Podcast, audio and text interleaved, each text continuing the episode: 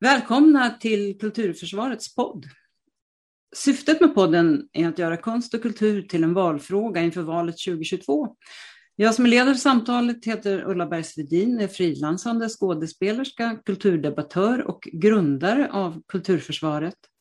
Varmt välkommen till dagens gäst, Andreas Magnusson, gymnasielärare i svenska, religionskunskap och etik, musiker, författare och även en av magasinet Paragrafs fasta krönikörer. Välkommen! Tack så mycket. Tack, tack. Vem är Andreas Magnusson och vad arbetar du med för närvarande? Du är ju verkligen en mångsysslare. Ja, men det kanske jag är. Jag, man, äh, tänker ju inte sådär själv utan man gör ju bara en massa saker. Men mm.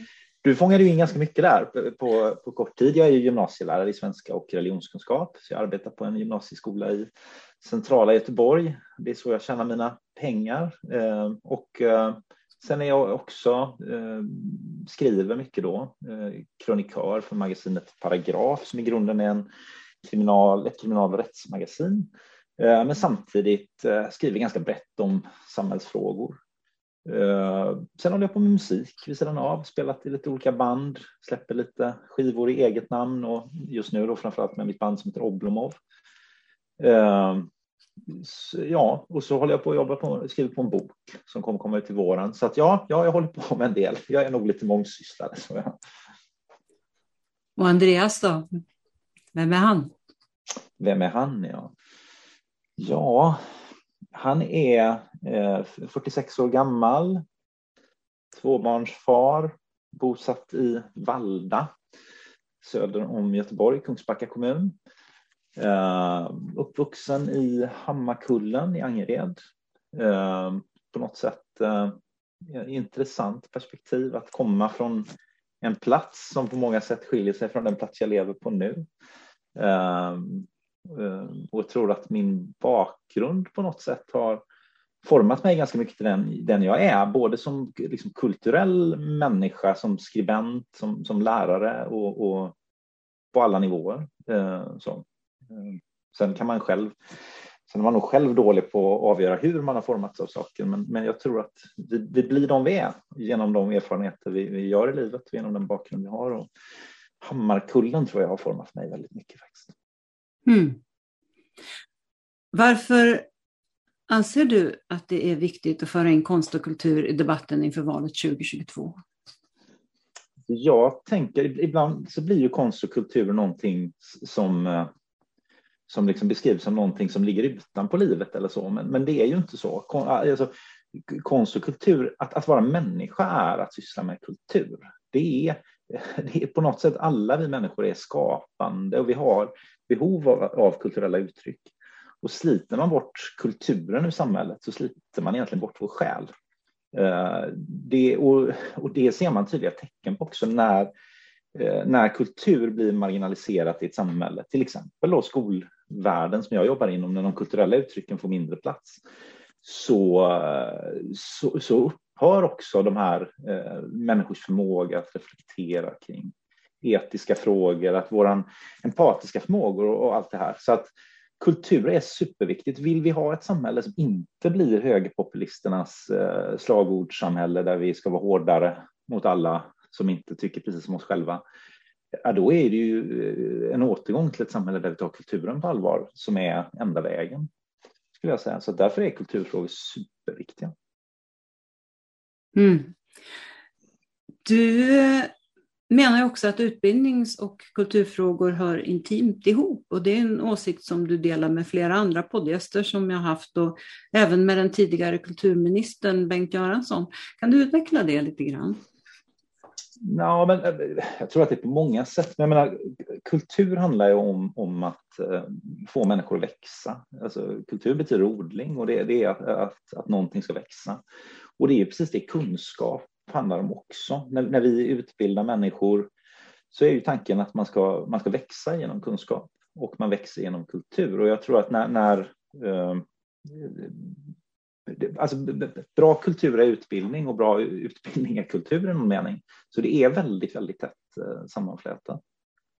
Eh, och man kan då tycka att det, det, är ju kanske märkligt va, när vi har en, en kulturminister idag som, där, där, kulturen och idrotten flätar samman istället och att, att utbildningsminister det är, en annan, det är en annan fråga. Det kanske i, i själva verket är så att, att det där är, jag, jag tror ju att, att kulturen och utbildningen har mer gemensamt. Um, så. Kultur är ingen tävling och idrott är tävling. Kultur är väl motsatsen till tävling. Det är väl någonstans eh, tanken att alla vinner när det är mm. kultur. Så. Det håller jag verkligen med om. Som du var inne på förut så eh, du uppväxt i Hammarkullen eh, och dina föräldrar flyttade dit och såg stadsdelen byggas upp delvis med hjälp av konst och kultur. Och du uppväxt där på 80-talet. Kan du berätta hur det var? Mm. Eh, mina föräldrar flyttade ut, jag är född 1974 och mina föräldrar flyttade dit tror jag, december 74, eh, möjligen det var början 1975. Och sen flyttade jag därifrån 1995. Och när de flyttade dit, de var unga och lite naiva, kom från Blekinge eh, och visste inte så mycket om Göteborg och Göteborgs stadsdelar.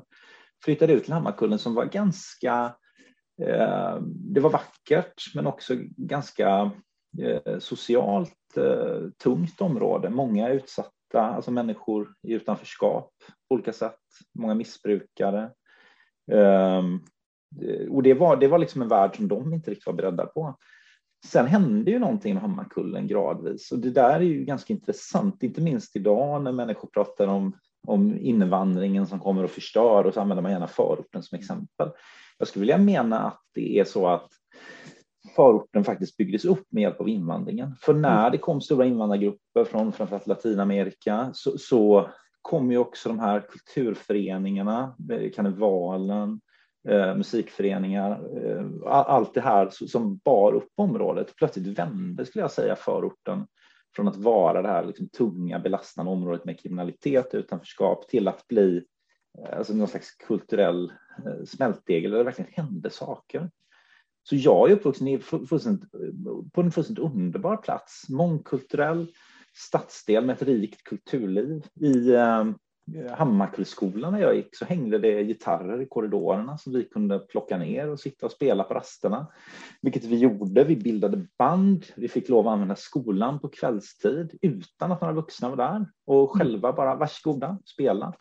Samma sak ett dagis som vi fick lov att använda med eh, på kvällarna när det inte var någon verksamhet. Och, och det enda, enda reglerna var sov inte över, använd inga, ingen alkohol, inga droger här och se till att städa efter er. Och de litade på oss och när man litar på människor och ger dem förtroende så händer det bra grejer. Folk missbrukar inte de där förtroendena och det är så typiskt. Vi lever idag i ett samhälle där man ska misstro människor, man ska granska, man ska kontrollera, man ska sätta dit, man ska ställa krav. Och det där är så långt ifrån det samhälle som bygger upp människor. Istället så levde jag, växte upp på en plats där vi fick möjlighet att syssla med kultur och kultur var något helt självklart. Det var liksom inget så här DNs kultursidor över vad kultur var, utan det var fullständigt självklart att, att när jag var liten så gick jag i keramik och drejade krukor och så spelade jag musik och så skrev jag texter och det där gjorde alla. Det var något helt naturligt. Så att och invandringen var en viktig del, det här mångkulturella samhället där alla människor får plats var en viktig del i det här och också den här tilltron som fanns ifrån vuxenvärlden till unga människor. Så många, många aspekter i det här. Men det var en, en fantastisk eh, uppväxt som jag tror har präglat mig på väldigt många sätt. Det finns eh, mycket att lära där, tror jag. Du har också sagt att det fokus som har lagts på de teoretiska ämnena efter gymnasiereformen 2011 så försvann, efter det så försvann även till exempel uppträdanden på avslutningar och annat kreativt. Mm. Man gjorde en stor gymnasiereform 2011. Man bland annat ändrade betygssystemet, eh, men också kurserna och vad som ingick i de olika kurserna eh, på de olika programmen på gymnasieskolan. Och man kan säga att man i princip tog bort musikundervisningen och bilden och så där. Den blev eh, valfri, valfritt ämne från att ha varit något som alla höll på med. Och det det påverkar ju, det blir ju som det här när vi, som vi pratade om från början, när man tar bort kulturen ur samhället så får man ett kallt och hårt samhälle och när du tar bort kulturen ur skolan så får du en kall och hård skola. Mm. Du får en skola med mobiltelefonförbud men du får en skola där det kanske inte blir några uppträdanden på avslutningar därför att det finns ingen musiklärare som tar tag i det där. Det finns inga instrument att spela på längre. Uh, och alla de här de här uppträdandena är superviktiga. Jag själv, har, fast jag inte är musiklärare, så har jag haft hand om många sådana här avslutningar där jag har hållit på med elever innan och övat. Mm. Och, och, det är så spännande att se vad, vad, man kan växa genom det här. De här som för första gången kanske får stå på en scen och så märka vad som händer och någon lyssnar. Så att lyssna på varandra och att få uttrycka någonting. Uh, så det, och det är väldigt tråkigt då, det som hände egentligen med gymnasiereformen när man prioriterade ner musiken, prioriterade ner bildämnet. Då. Eh, och det där får man ju bara verkligen hoppas att, att det kommer komma tillbaks för att det, det har större konsekvenser än vad, än vad människor tror. Vi kan inte bara ha ett samhälle där alla ska vara duktiga på att räkna matte. Vi ska bara bli bättre och bättre på matte. Det, det är, liksom, det är som att vi ska räkna oss till lycka. Mm. Nej, det är inte så vi blir lyckliga. Så. Nej.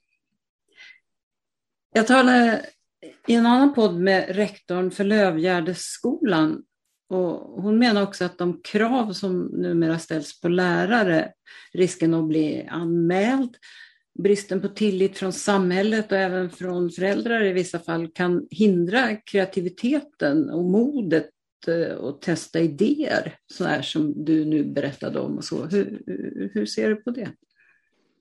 Jag tror att hon har alldeles rätt i det. Jag tror att det ligger jättemycket i det Vi har ju en ordning i, i Sverige med ett system där man kan säga att, att eh, Skolverket formulerar eh, ramarna för vad vi ska göra i skolan och sen har vi en granskande myndighet som heter Skolinspektionen som ska tala om för oss när vi har gjort fel. Och eh, skolor är livrädda för att göra fel, för då kommer Skolinspektionen och så får man utskällning eh, och man kan åka på ett vite och sen så kan det här leda till minskat söktryck för vi lever, i, en, i ett skolköp och säljskolsystem där vi behöver få elevpengar för att få verksamheten att gå runt. Och då vill vi inte förstöra vår marknadsvärde genom att göra dålig reklam för oss. Så att alla är livrädda för att göra fel, att få Skolinspektionen på sig. Och när man är livrädd för att göra fel så vågar man ju inte heller göra rätt. Alltså tänk dig själv att du skulle upp på en scen och spela piano med, med liksom ambitionen att inte spela fel. Mm. Det, är, det är helt vansinnigt. När jag går upp på scen för att spela så är min ambition att berätta någonting mm. från mitt hjärta. Att förmedla någonting, inte att inte spela fel. Nej. Men där har skolan hamnat, va? Att, att vi ska inte göra fel. Uh, och det är ju supertråkigt att verka i en organisation som har som, som övergripande mål att inte göra fel. Vi måste Eller... ju ändå ha större ambitioner än så. Ja. Eller att tjäna pengar till aktieägare. Ja, det blir ju det, det i nästa led. Precis. Mm. Du menar också att lära genom att lära ut är en bra metod. Kan du berätta vad du menar med det? Ja, men det, alltså det märker, om inte annat märker man det när man själv är lärare. Man märker att eh, även om saker man tänker att man kan och så förstår man ha, nu ska jag försöka förklara det här för mina elever och så inser jag att oj då, jag, jag måste verkligen bryta ner det i sina enkla beståndsdelar för att kunna göra det begripligt. Och, och, och då lär jag mig väldigt mycket när jag sätter mig in i det här och jag kan märka det när jag ger elever uppgifter där de ska redovisa om någonting för sina kamrater. Just de bitarna blir de väldigt duktiga på. Man lär sig genom att, att lära ut.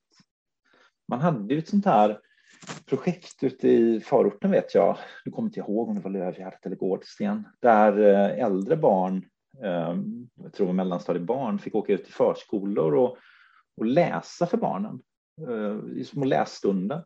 Och det tycker jag är en alldeles fantastisk grej. Det är en slags ehm, de blir bättre läsare genom att läsa för barnen. De mindre barnen får se att läsning är någonting självklart. Alltså alla lär sig någonting och, och det är ju att lära genom att lära ut praktisk pedagogik och än en gång någonting som visar att pedagogik och kultur hänger ihop väldigt väl. Ja, det kanske handlar lite om också hur man organiserar vilka människor i samhället som får möta varann mm, mm. hela tiden. Ja, ja. verkligen. Och, och, vi kanske mer än någonsin har, har behov av det här faktiskt, att, att olika människor av olika åldrar och olika etnicitet. Och, vi, vi riskerar ju att få ett samhälle som slås sönder mycket mer. Där, mm. där pensionärsföreningen umgås för sig, man flyttar in i 55 plus-boenden och sånt där. Och, och, och sen har vi den liksom segregerade förorten där det är svårt att hitta en människa som, som, som i generationer tillbaka har, har levt i Sverige och så där. Det blir väldigt, väldigt, väldigt blandat. Ehm, ett samhälle som inte är blandat, utan det blir, det blir små öar överallt. Och det där är nog inte bra. Nej, det är väl också en fråga om det här demokratiska samtalet och att föra vidare erfarenheter. Om vi mm. inte träffas mm. över generationsgränser så får vi inte med oss historien.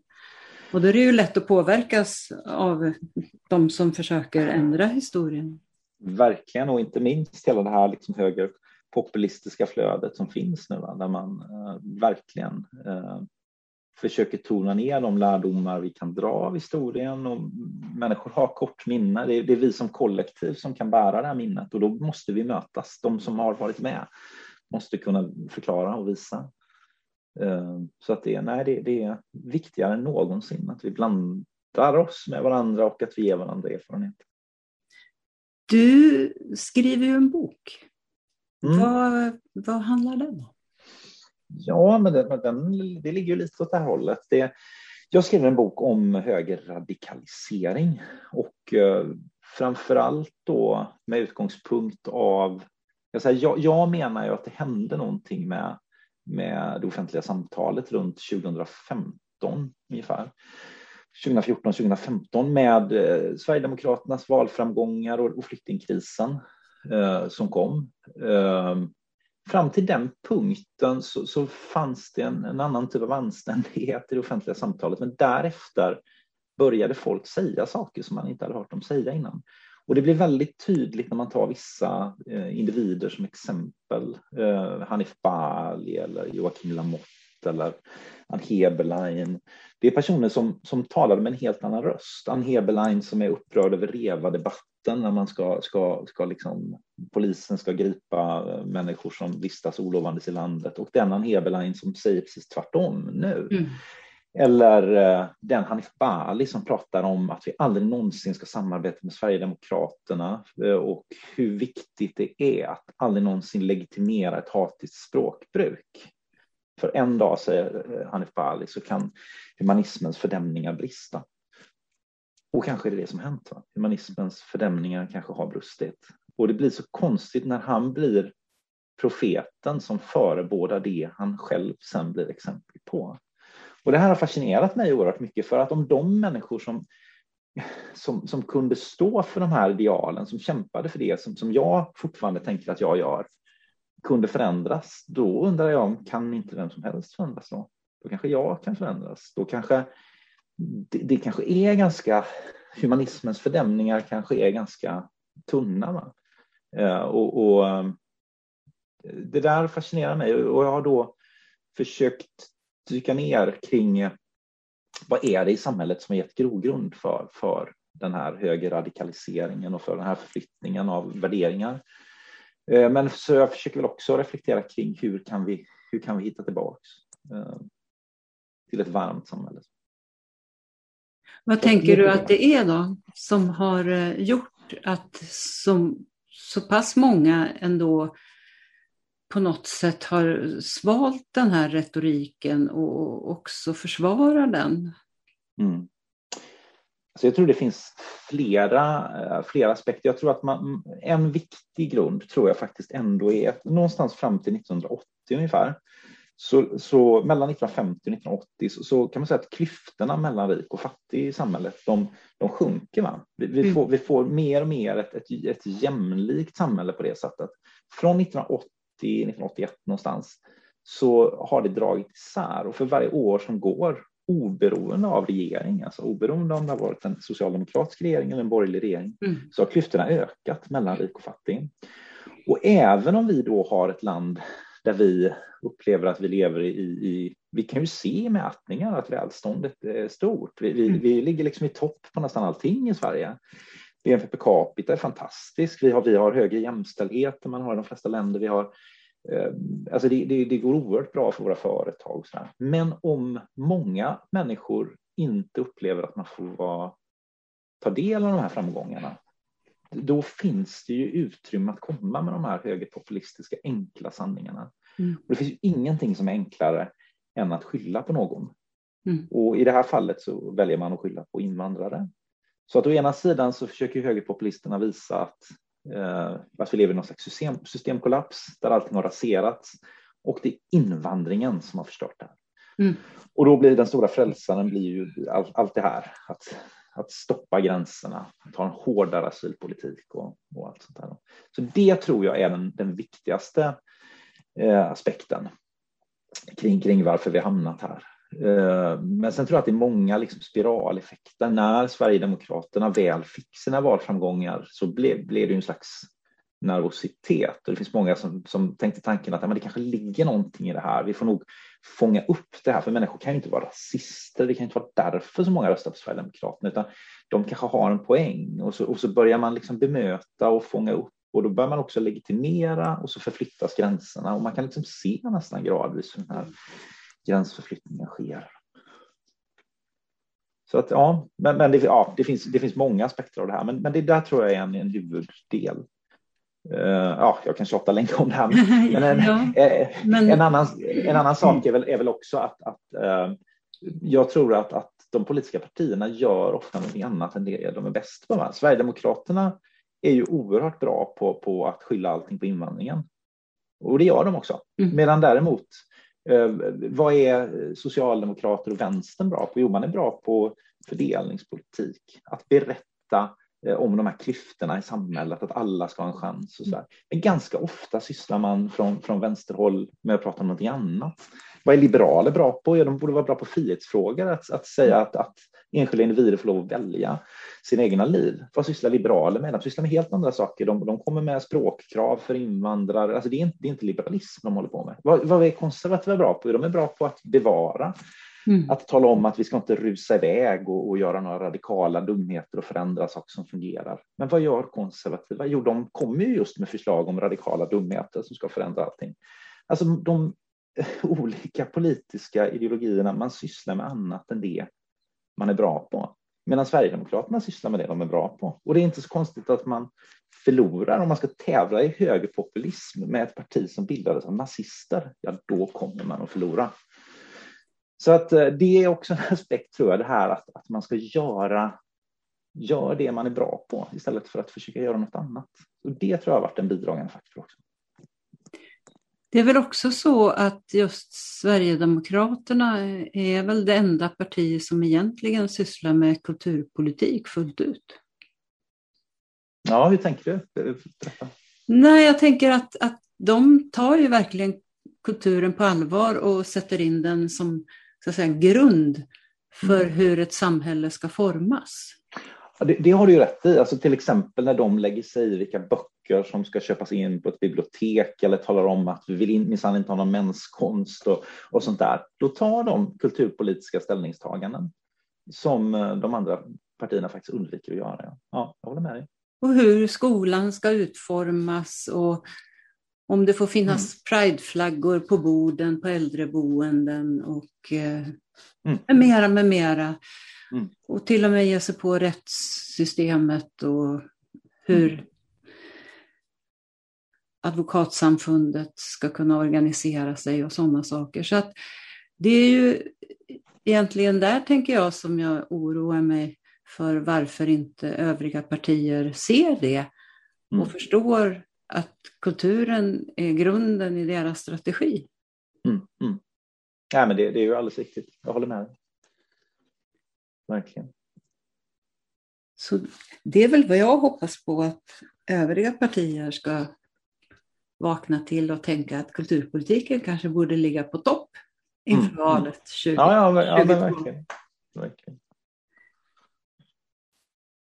Du, vi fortsätter lite på den här linjen, för du menar ju också att det har skett en förskjutning i debatten där det har blivit tillåtet att säga högt det eh, som inte gick att uttala för tio år sedan, även om det tänktes. Mm. Och det är väl lite det som eh, du pratar om här eh, också, mm. som din bok handlar om. Absolut. Uh, absolut, och, och, jag minns ju det 2015 uh, när det, det, det, då var en stor flyktingström och det skulle byggas ett, ett uh, tillfälligt asylboende här i närheten av mitt hem och jag var på ett sånt här informationsmöte, jag hade med mig yngste sonen dit. Eh, och de skulle berätta om det här boendet. Och så sitter jag på det här mötet och jag hör ju massa människor som ställer kloka frågor och undrar hur man kan hjälpa till. Kan vi på något sätt vara delaktiga? Men jag har också väldigt många som uttrycker oro, eh, vilket kanske inte är så konstigt, men också ett slags eh, förakt och en slags känsla av den här not in my backyard mentaliteten, vad de här att göra. Och jag vet att jag tänker när jag sitter där med min, min son jämte mig att, att det är det, det är liksom obehagligt för det är någonting nytt jag hör. Jag, jag, tänker att det här hade ju människor vett på att hålla tyst om innan. Folk kan ha tänkt egoistiska tankar men sånt här skämdes man ju för att säga. Men nu är det ingen som skäms längre för att säga de här eh, hårresande sakerna, komma med jättekonstiga förbudsförslag. Den här senaste som fascinerar mig oerhört, människor i, i, någonstans nere i Skåne då, som till varje pris vill hindra muslimer från att begravas på kyrkogården. Ja. För man tänker sig, alltså det räcker inte ens med att hata levande muslimer, man måste också hata döda muslimer. Och det var liksom någon tanke om hur, hur muslimerna, ja, men eftersom de inte kremerar sina kroppar, så, så kommer liksom, det kommer rinna ut i vattnet där våra barn leker. Och det, det är liksom så fullständigt absurda grejer som folk om folk satt hemma och tänkte så konstiga tankar så höll man väl ändå käft om det för att det var så enfaldigt. Men, men idag har på något sätt portarna öppnat för vad man kan säga och det där skrämmer mig något oerhört. Alltså. Ja, det, det är så att man... Jag läste ju den där krönikan eh, och, och tänkte att det här verkar nästan påhittat. Ja, ja precis så. Att man, att man ens kan samla, försöka samla underskrifter för att förhindra mm. människor att bli begravda för att det är så mm. farligt att ens ha och att säga sådana saker som att vi vill, vi vill inte ha des, de, deras kvinnosyn på våran mm. kyrkogård. Mm. Ja, ja, precis. Ja, men man skrattar nästan åt det. ja, det, det, blir, det, blir verkligen, det blir verkligen absurt. Mm. Det går snart inte att göra satir. Nej, nej, precis. Eh, du hade också en intressant tanke där. Du citerade Simone Weil, fransk filosof som ju levde 1909-1943, angående att ett politiskt partis övergripande mål alltid är att växa. Och vad det kan göra med troheten mot ideologin. Kan du, kan du säga något om det? Mm. Ja, men jag tycker hon är ju för övrigt en oerhört intressant tänkare, mm. både i, i liksom filosofiska, politiska och, och, religiösa frågor, tycker jag är oerhört klok. Eh, men hon lever ju en tid när hon har som judinna då också bevittnat hur eh, det nazistiska partiet kunde få makten faktiskt i ett demokratiskt system. Eh, och, eh, och då drar hon den här slutsatsen att, att eh, det finns något djupt omoraliskt egentligen med hur politiska partier fungerar. Så hon, ju, hon skriver ju om de politiska partiernas avskaffande och det, det kan man ju tycka vad man vill om, att det är frågan om det, vad ska man ha istället då? då men, ja. men hon höjer ändå några otroligt intressanta tankar kring, kring, kring, kring det där. Och hon menar just då att, att partier har egentligen bara en enda ambition och det är att bli större och större. Och det ser man ju väldigt tydligt idag mm. på alla opinionsmätningar. Man gör utspel för man tror var kan vi locka flest väljare om vi säger det här.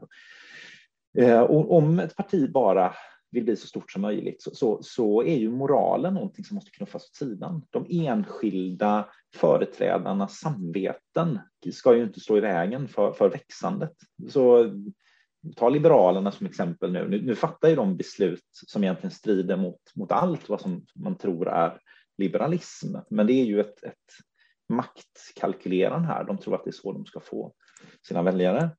Eh, och det blir ju någon slags djup omoral som ligger bakom politiska strävan och, att de, och det, faran är just det här att politiska partier bara vill bli så stora som möjligt. Och det är ju till och med det Sverigedemokraternas, vad sa, den här han blev väl utesluten sen i och för sig, men han, sa, han, sa, han var ju väldigt tydlig med det, att vårt mål är att bli det enda partiet. Mm. Um, och och det, det, det, är ju rätt intressant.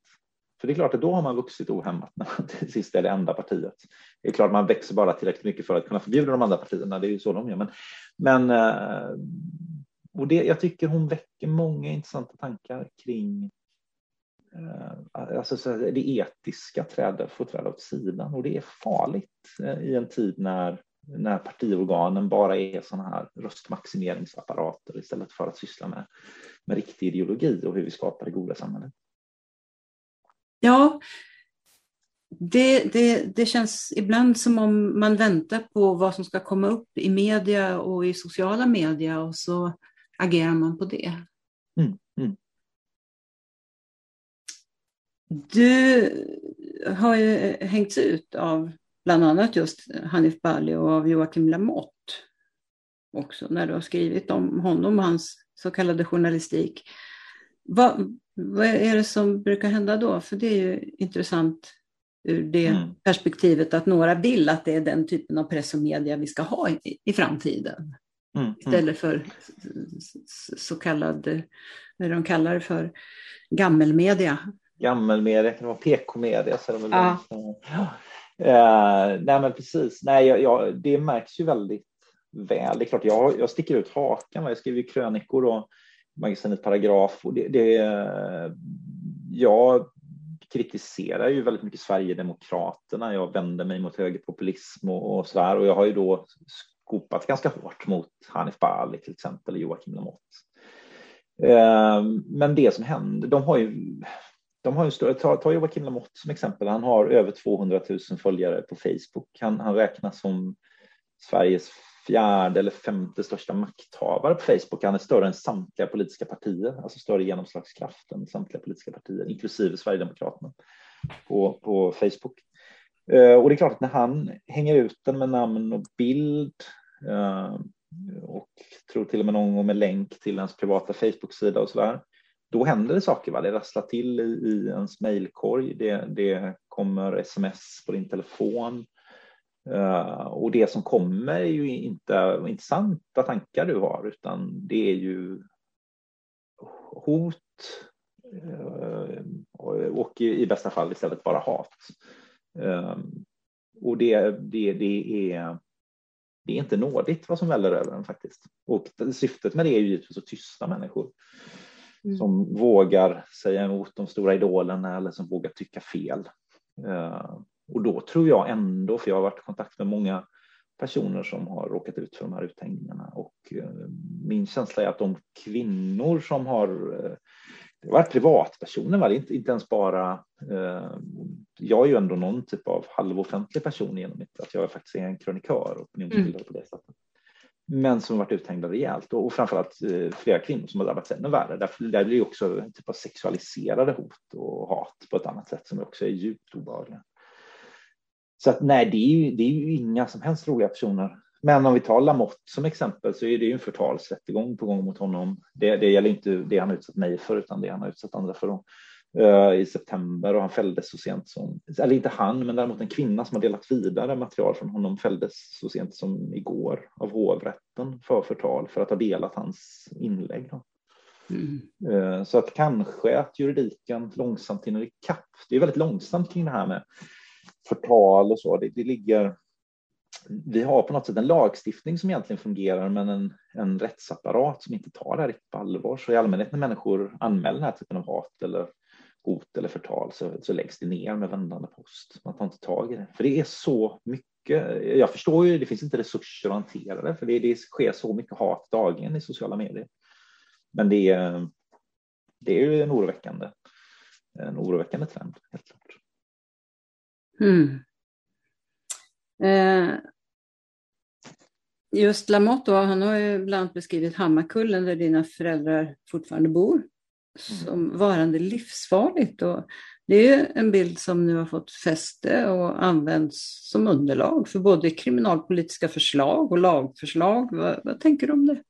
Ja, nej, men det blir ju det blir på något sätt, om vi tar någon slags sådär, eh, teatermetaforik, va, så är det, det, det, är ju på något sätt det är någon slags kulisser som byggs upp. Va? Det, är, det är någon slags scenografi. Man, man, man utnyttjar ju man utnyttjar ju förorten. Det är någon slags rekvisit i det här högerpopulistiska skådespelet. Och det är ju inte en sann verklighet som beskrivs. När, när Joakim Lamotte åker ut till Kronogården i Trollhättan i skyddsväst Mm. Eh, för att våga göra ett reportage och följarna hyllar honom för att äntligen våga någon komma hit.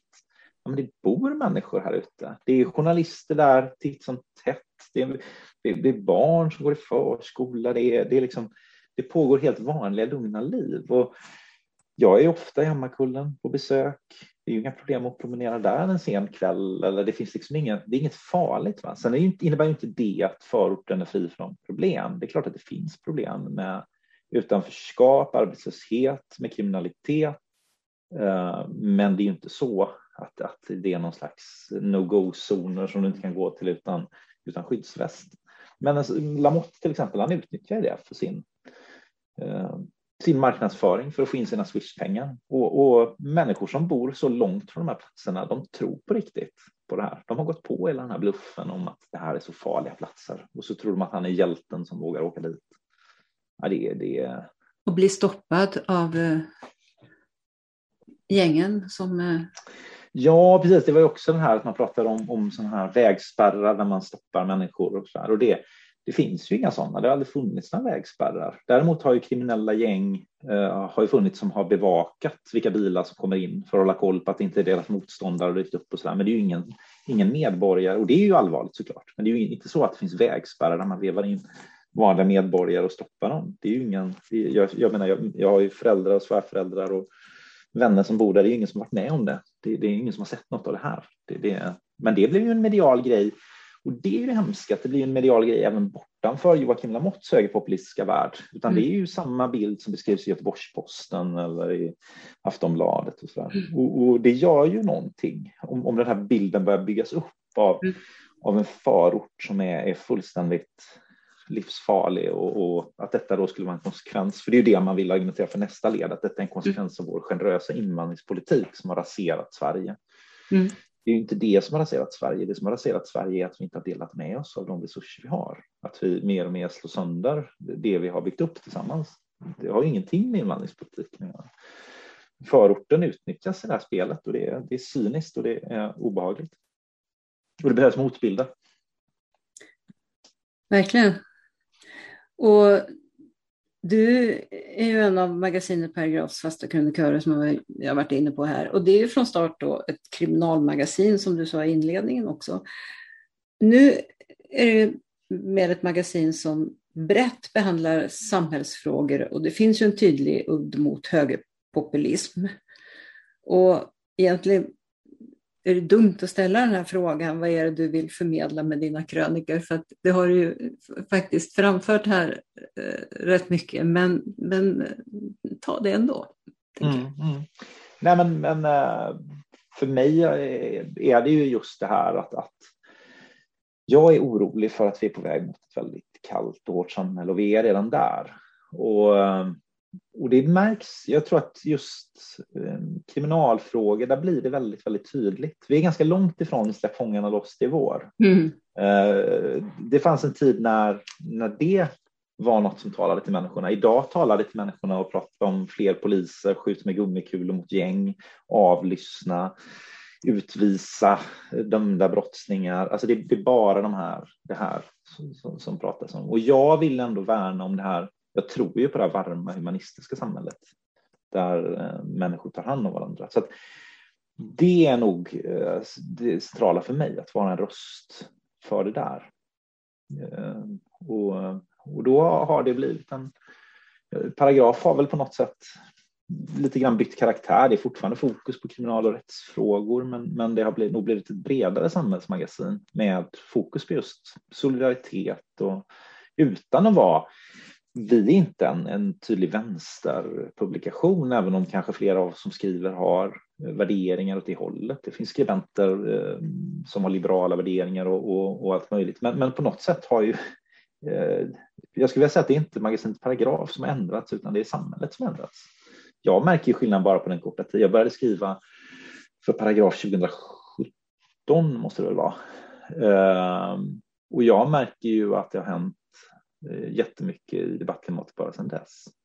Jag tror inte jag la, skrev en enda krönika om om något konstigt som kristdemokrater eller moderater hade gjort. Men däremot skrev jag ganska mycket om Sverigedemokraternas konstigheter.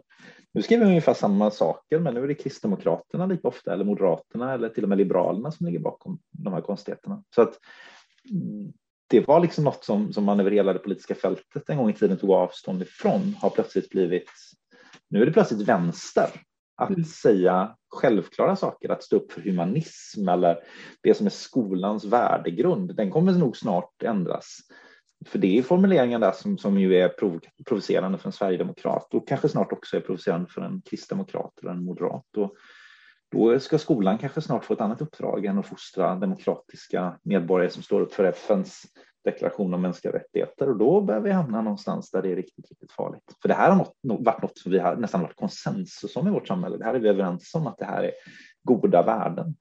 Att vi vill att våra barn inte ska bli rasister eller att man ska ta hand om varandra och att värna om de svaga och utsatta. Och olikheter är viktigt, mångfald, att respektera homosexualitet och allt sånt där. Plötsligt är det ifrågasatt det får, det får enorma konsekvenser. Ja, det är skrämmande. Mm, det är Du, eh, du har ju en idé också om att en god journalist är pedagog och att en god pedagog också i någon mening borde vara journalist. Och det är en god tanke tycker jag. Och du har ju också skrivit en del för DN Kultur och 2019 nominerades du till årets opinionsbildare vid Faktumgalan. Mm, det var ju superroligt. Ja. Jag förlorade mot Greta Thunberg och det kan jag ju acceptera. Det, det kan du stå ut med. En hedersam förlust. Jag, jag hade förtjänat att jag skulle, jag skulle tappa den. Eh, så att det, däremot var Joakim Lamotte väldigt upprörd över att eh, ja, det var inte det priset, det var något annat som Greta Thunberg hade uppmärksammats för. Tyckte det var fel. Så. Jag stod att det var, det var skillnaden mellan mig och Lamotte. Att jag, jag, jag, det var okej okay att förlora mot Greta Thunberg. Eh, nej, men det var jätteroligt att de, de uppmärksammade eh, det. Det får, det får jag säga. Men, men, eh, nej, men jag tänker det här med god journalist och god.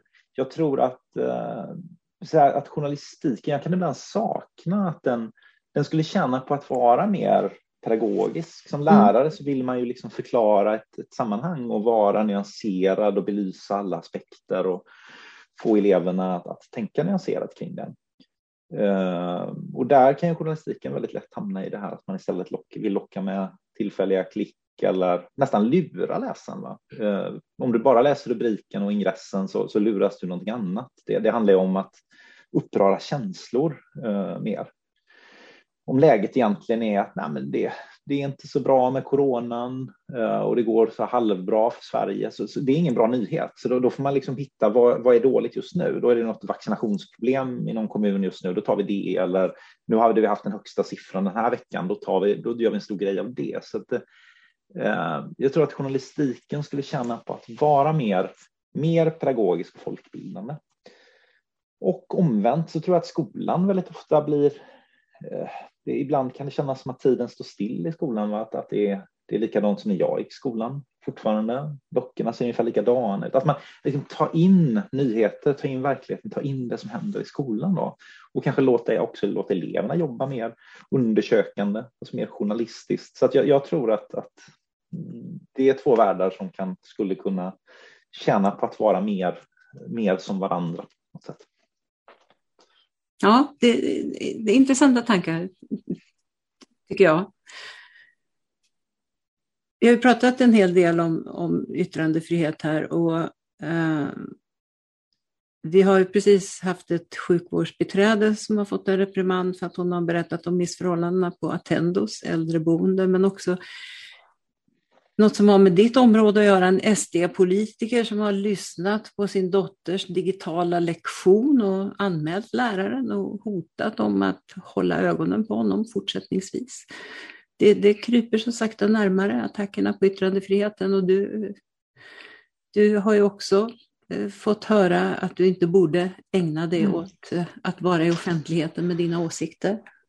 Verkligen, och det är precis när du frågade innan om, om det här med vad händer när Lamotte och, mm. och, och de hänger ut den. Det är ju en sak som alltid händer, att någon kontaktar min arbetsgivare. Mm. Det har ju hänt varenda gång. Och, och eh, alltså det, eh, man, eh, finns människor som då ägnar tid åt att skriva brev till samtliga kommunpolitiker, skriva brev till tjänstemännen, till alla rektorer Eh, och förklara att jag då ska vara olämplig att vara lärare. Och det är människor som aldrig har varit på mina lektioner, aldrig har känt någon elev som har varit på mina lektioner, utan eh, det, det är ju ett, ett, försök att tysta eh, oliktänkande. Då.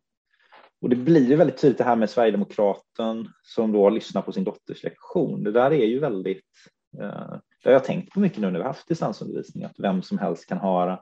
Normalt sett är ju ändå klassrummet en skyddad värld. Va? Man stänger dörren och det som sägs där inne, eh, av respekt för alla som pratar i rummet också, så är det inte en det är inte ett offentligt samtal utan ett samtal som sker mellan eleverna får lov att pröva sina tankar. De kan få lov att säga lite konstiga grejer och, och man visar respekt och man förklarar. Man, man liksom stöttar varandra till att bli goda demokratiska medborgare och var och en får lov att tycka vad de vill så att säga, men, men att man har respekt för, för varandra. Och så.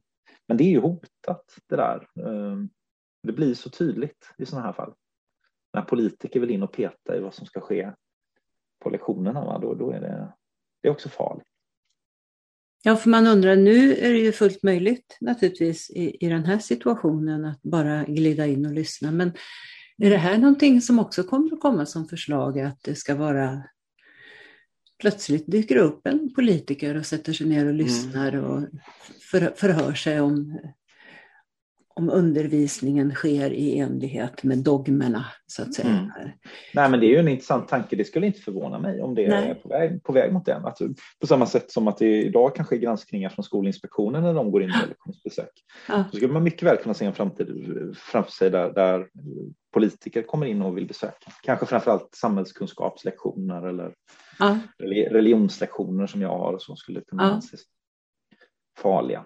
Uh, och där är ju också, det kan man väl känna som lärare att det finns, uh, det är nog inte bara lärare som är utsatta för det, men det finns en minskad uh, tilltro. Jag tror att förr hade man nog ändå någon slags respekt för att lärare var hedliga människor som gjorde ett gott jobb.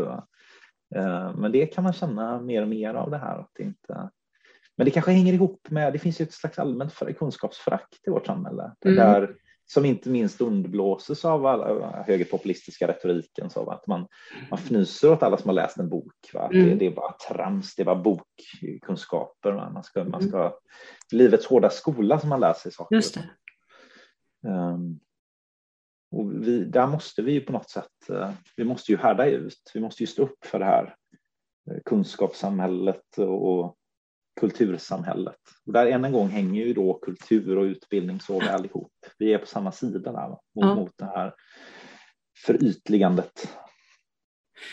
Ja, och som du säger, kunskapssamhället, det är väldigt märkligt för att vad är det, är det 15 år sedan som man sa att man gick från industrisamhälle till kunskapssamhälle?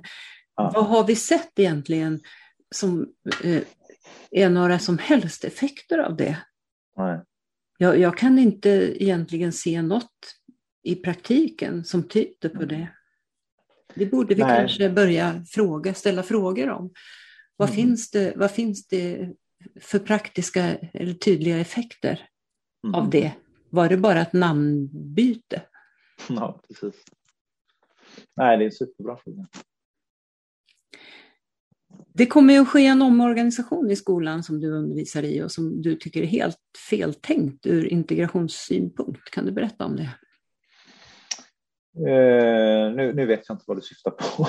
jo, uh, det, det, ska ju ske en omflyttning av elever. Från... Ja, ja, ja, du pratar om min skola. Jag tror du ja. menar skolsystemet i stort. Nej. Nej, men precis. Nej, men jag jobbar ju på vård och omsorgsprogrammet i Eh, Göteborgs eh, kommun på en skola som heter Katrinelundsgymnasiet som ju är en skola eh, med ett väldigt blandat elevunderlag. Vi har mycket idrottselever, men vi har vård och omsorgsprogrammet som framförallt skulle jag säga lockar tjejer med invandrarbakgrund. Eh, men skolan som helhet har ju varit en väldigt bra, eh, bra blandning av människor med olika etnicitet och människor med olika bakgrund. Och så där. Nu har man då fattat ett beslut i Göteborgs kommun om att flytta eh, vård och omsorgsprogrammet till Burgårdens gymnasium och där eh, kommer man då ha barn och fritidsutbildning, frisörutbildning och eh, vård och omsorgsprogram. Och det är gymnasieprogram som framförallt lockar tjejer, eh, framförallt tjejer med invandrarbakgrund. Eh, och det kommer ju bli ett otroligt, alltså man skapar otroligt segregerade gymnasieskolor man, om man lite tillspetsat skulle man kunna säga att det man är på väg att skapa det är en slags flick, flickskola för invandrartjejer i centrala Göteborg. Och, och, det är upprörande, det är så mycket som är upprörande med det här, men en upprörande sak med det är ju, är ju att politiska partier som jag trodde stod för någonting annat har valt att att eh, klubba igenom detta och valt att acceptera detta.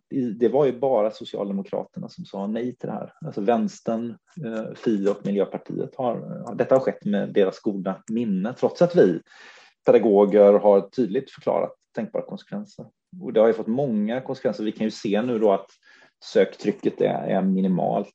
Vi hade fyra klasser, eh, fem med lärlingsklassen med vårdelever och det kommer i bästa fall bli två klasser, en eller två klasser med sökande. Så man, man minskar eh, också antalet undersköterskor på sikt i Göteborgs i Göteborgsområdet därför att eleverna slutar söka dit. Och sen så för de som ändå går kommer ju vara kommer få gå i en skola som är betydligt mer segregerad. Så att eh, nej, det är super, superdåligt. Och det är väl sådana här saker som ibland gör att man tappar lusten och, och jobba som lärare. Därför att man, det är på något sätt att politiker och, och tjänstemän, de, de, har en idé om att nej, men det är ingen skolfråga det här med segregation. Det, det, är, något, det är något annat, det får politikerna hantera eh, på högre nivå, alltså riksdagspolitiker. Det här är ingenting vi håller på med, utan vi ska bara driva en, en skolverksamhet som gör att vi kan betala lokalhyror och att det, vi inte ska gå back ekonomiskt och sådär. Men är det, är det någonstans vi kan bekämpa segregationen mm. så är det ju i skolans värld genom att människor med olika bakgrund samlas på samma plats och får mm. lära sig saker av varandra. Så att nej, det är, det är ju en superdum grej, eh, verkligen. Och det fattas nog eh, mängder av sådana dåliga eh, beslut på lokal nivå i alla möjliga kommuner. Men det här är ju ett, ett beslut som jag råkade befinna mig väldigt nära som jag tyckte var, jag tycker är exceptionellt dåligt och, och väldigt tråkigt. En väldigt välfungerande verksamhet som jag tror kommer att slå sönder på många sätt. Och det kommer ju naturligtvis att få effekter på sikt. Ja, det kommer det. Som avslutning så vill jag då fråga på vilket sätt och av vilka anser du att konst och kulturpolitiken bör debatteras inför valet 2022 så att det som står i alla de här vackert formulerade kulturplanerna blir tydligt. Att konst och kultur är viktigt för såväl samhälle som medborgare. Mm.